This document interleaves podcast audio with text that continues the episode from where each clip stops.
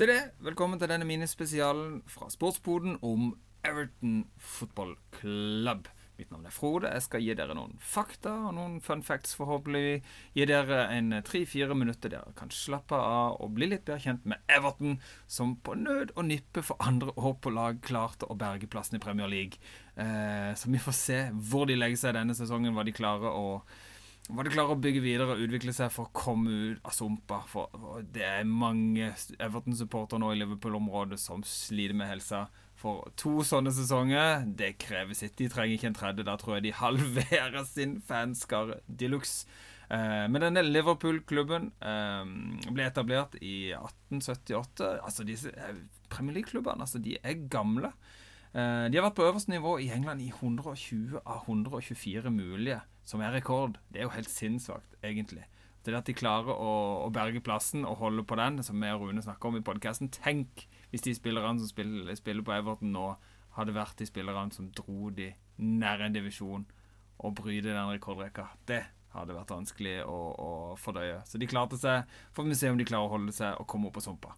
Eh, de har kallenavn The Blues, The Evertonians, The Toffees. The Toffees eh, veldig mange spekulasjon i. Flere lokale eh, Altså toffee som i eh, godteri eh, For dere som har spist toffee. Flere variasjoner av hvor det kommer ifra. For det er flere forretninger som har drevet med, med godteri som er blitt solgt på stadion. Gitt ut gratis av lokale forretninger og litt sånn. Og mange mener at det kommer derifra. Men The Toffees, The Blues, The Evertonians er altså kallenavn på Everton. De spiller jo på fantastiske Goodison Park, en av de gode, gamle arenaene. Jo kalt The Grand Old Lady, litt som i Juventus sin Den gamle dame. Uh, først spilte de på Priory Road, så flytta de til Anfield, faktisk. Uh, fun fact, og litt vondt å svelle. For dere som ikke visste det, som er Liverpool-supportere, så har altså Everton spilt på Anfield. Og de var jo det første Det laget Altså, Everton var det første laget til å vinne serien på Anfield. Åh, det, var, det er nesten vondt å si. Jeg håper du, du tar den greit, Rune. Jeg vet ikke om du visste det fra før av, det visste ikke jeg før jeg begynte å undersøke historien om, om, uh, om Goodison Park og fant ut at jo, Everton vant ligaen i 1810-91-sesongen og ble det første seriegullet som ble dratt i land på Anfield. Der altså. De ble flytta til Goodison i 1892 pga. dyr leie på Anfield. og Bygde opp sin arena der Goodison står nå. Og De har kapasitet på 39.414, og de skal ut av Goodison Park neste sesong. De holder på å bygge eh, nye stadion der, altså. Som veldig mange klubber gjør nå. Og jo, det er framtida. Det er sånn det bare er. Men det er litt synd. Vi mister enda en god, gammel, flott arena. Eh, som eh, Ja, det er litt vemodig, det må jeg bare legge til. Eh, når det gjelder drakter, de har hatt mange forskjellige farger. Som, eh, hver gang jeg, alle disse lagene jeg googler på, har hatt et eh, vanvittig eh, sånn forskjellige farvekombinasjoner i starten, før de har landa på disse farvene som vi kjenner de så godt til nå. De har jo disse blå og, og hvite komboen sin på draktene, som vi er kjent med. De har hatt alt fra, fra grønn til blå og hvite striper. Hadde de jo òg i starten. Veldig mange lag hadde striper i starten av det jeg har sett. Men de landa da også etter hvert på blått og hvitt som sine hovedfarger. Òg en annen gøy fakta ligger i, i, i, logoen. De har jo dette tårnet som er i sin logo.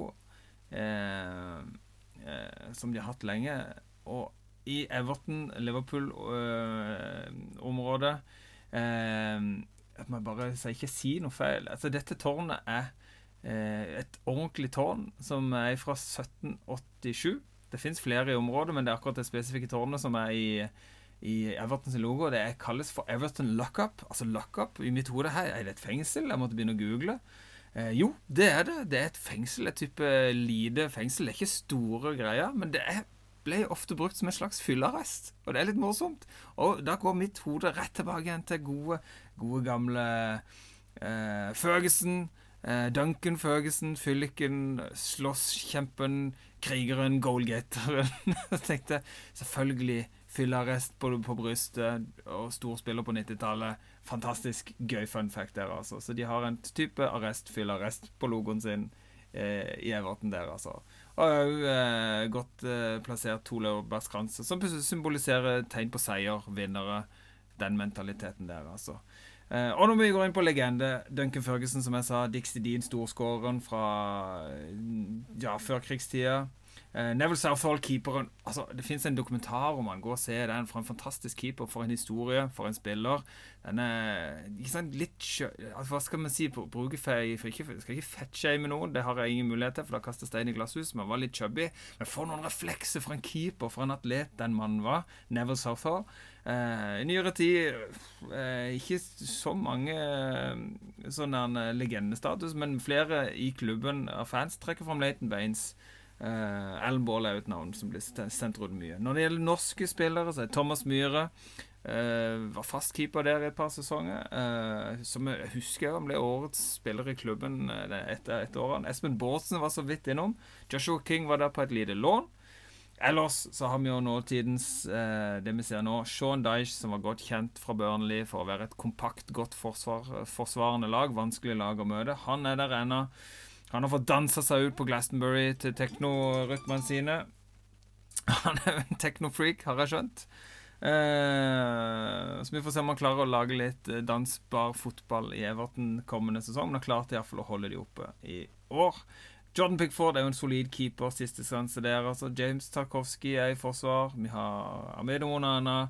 Uh, Dwight McNeil vet vi kan utrette ting. Uh, Calvert Lewin, hvis han bare kan få seg en hel sesong skadefri og komme i gang og skåre mål.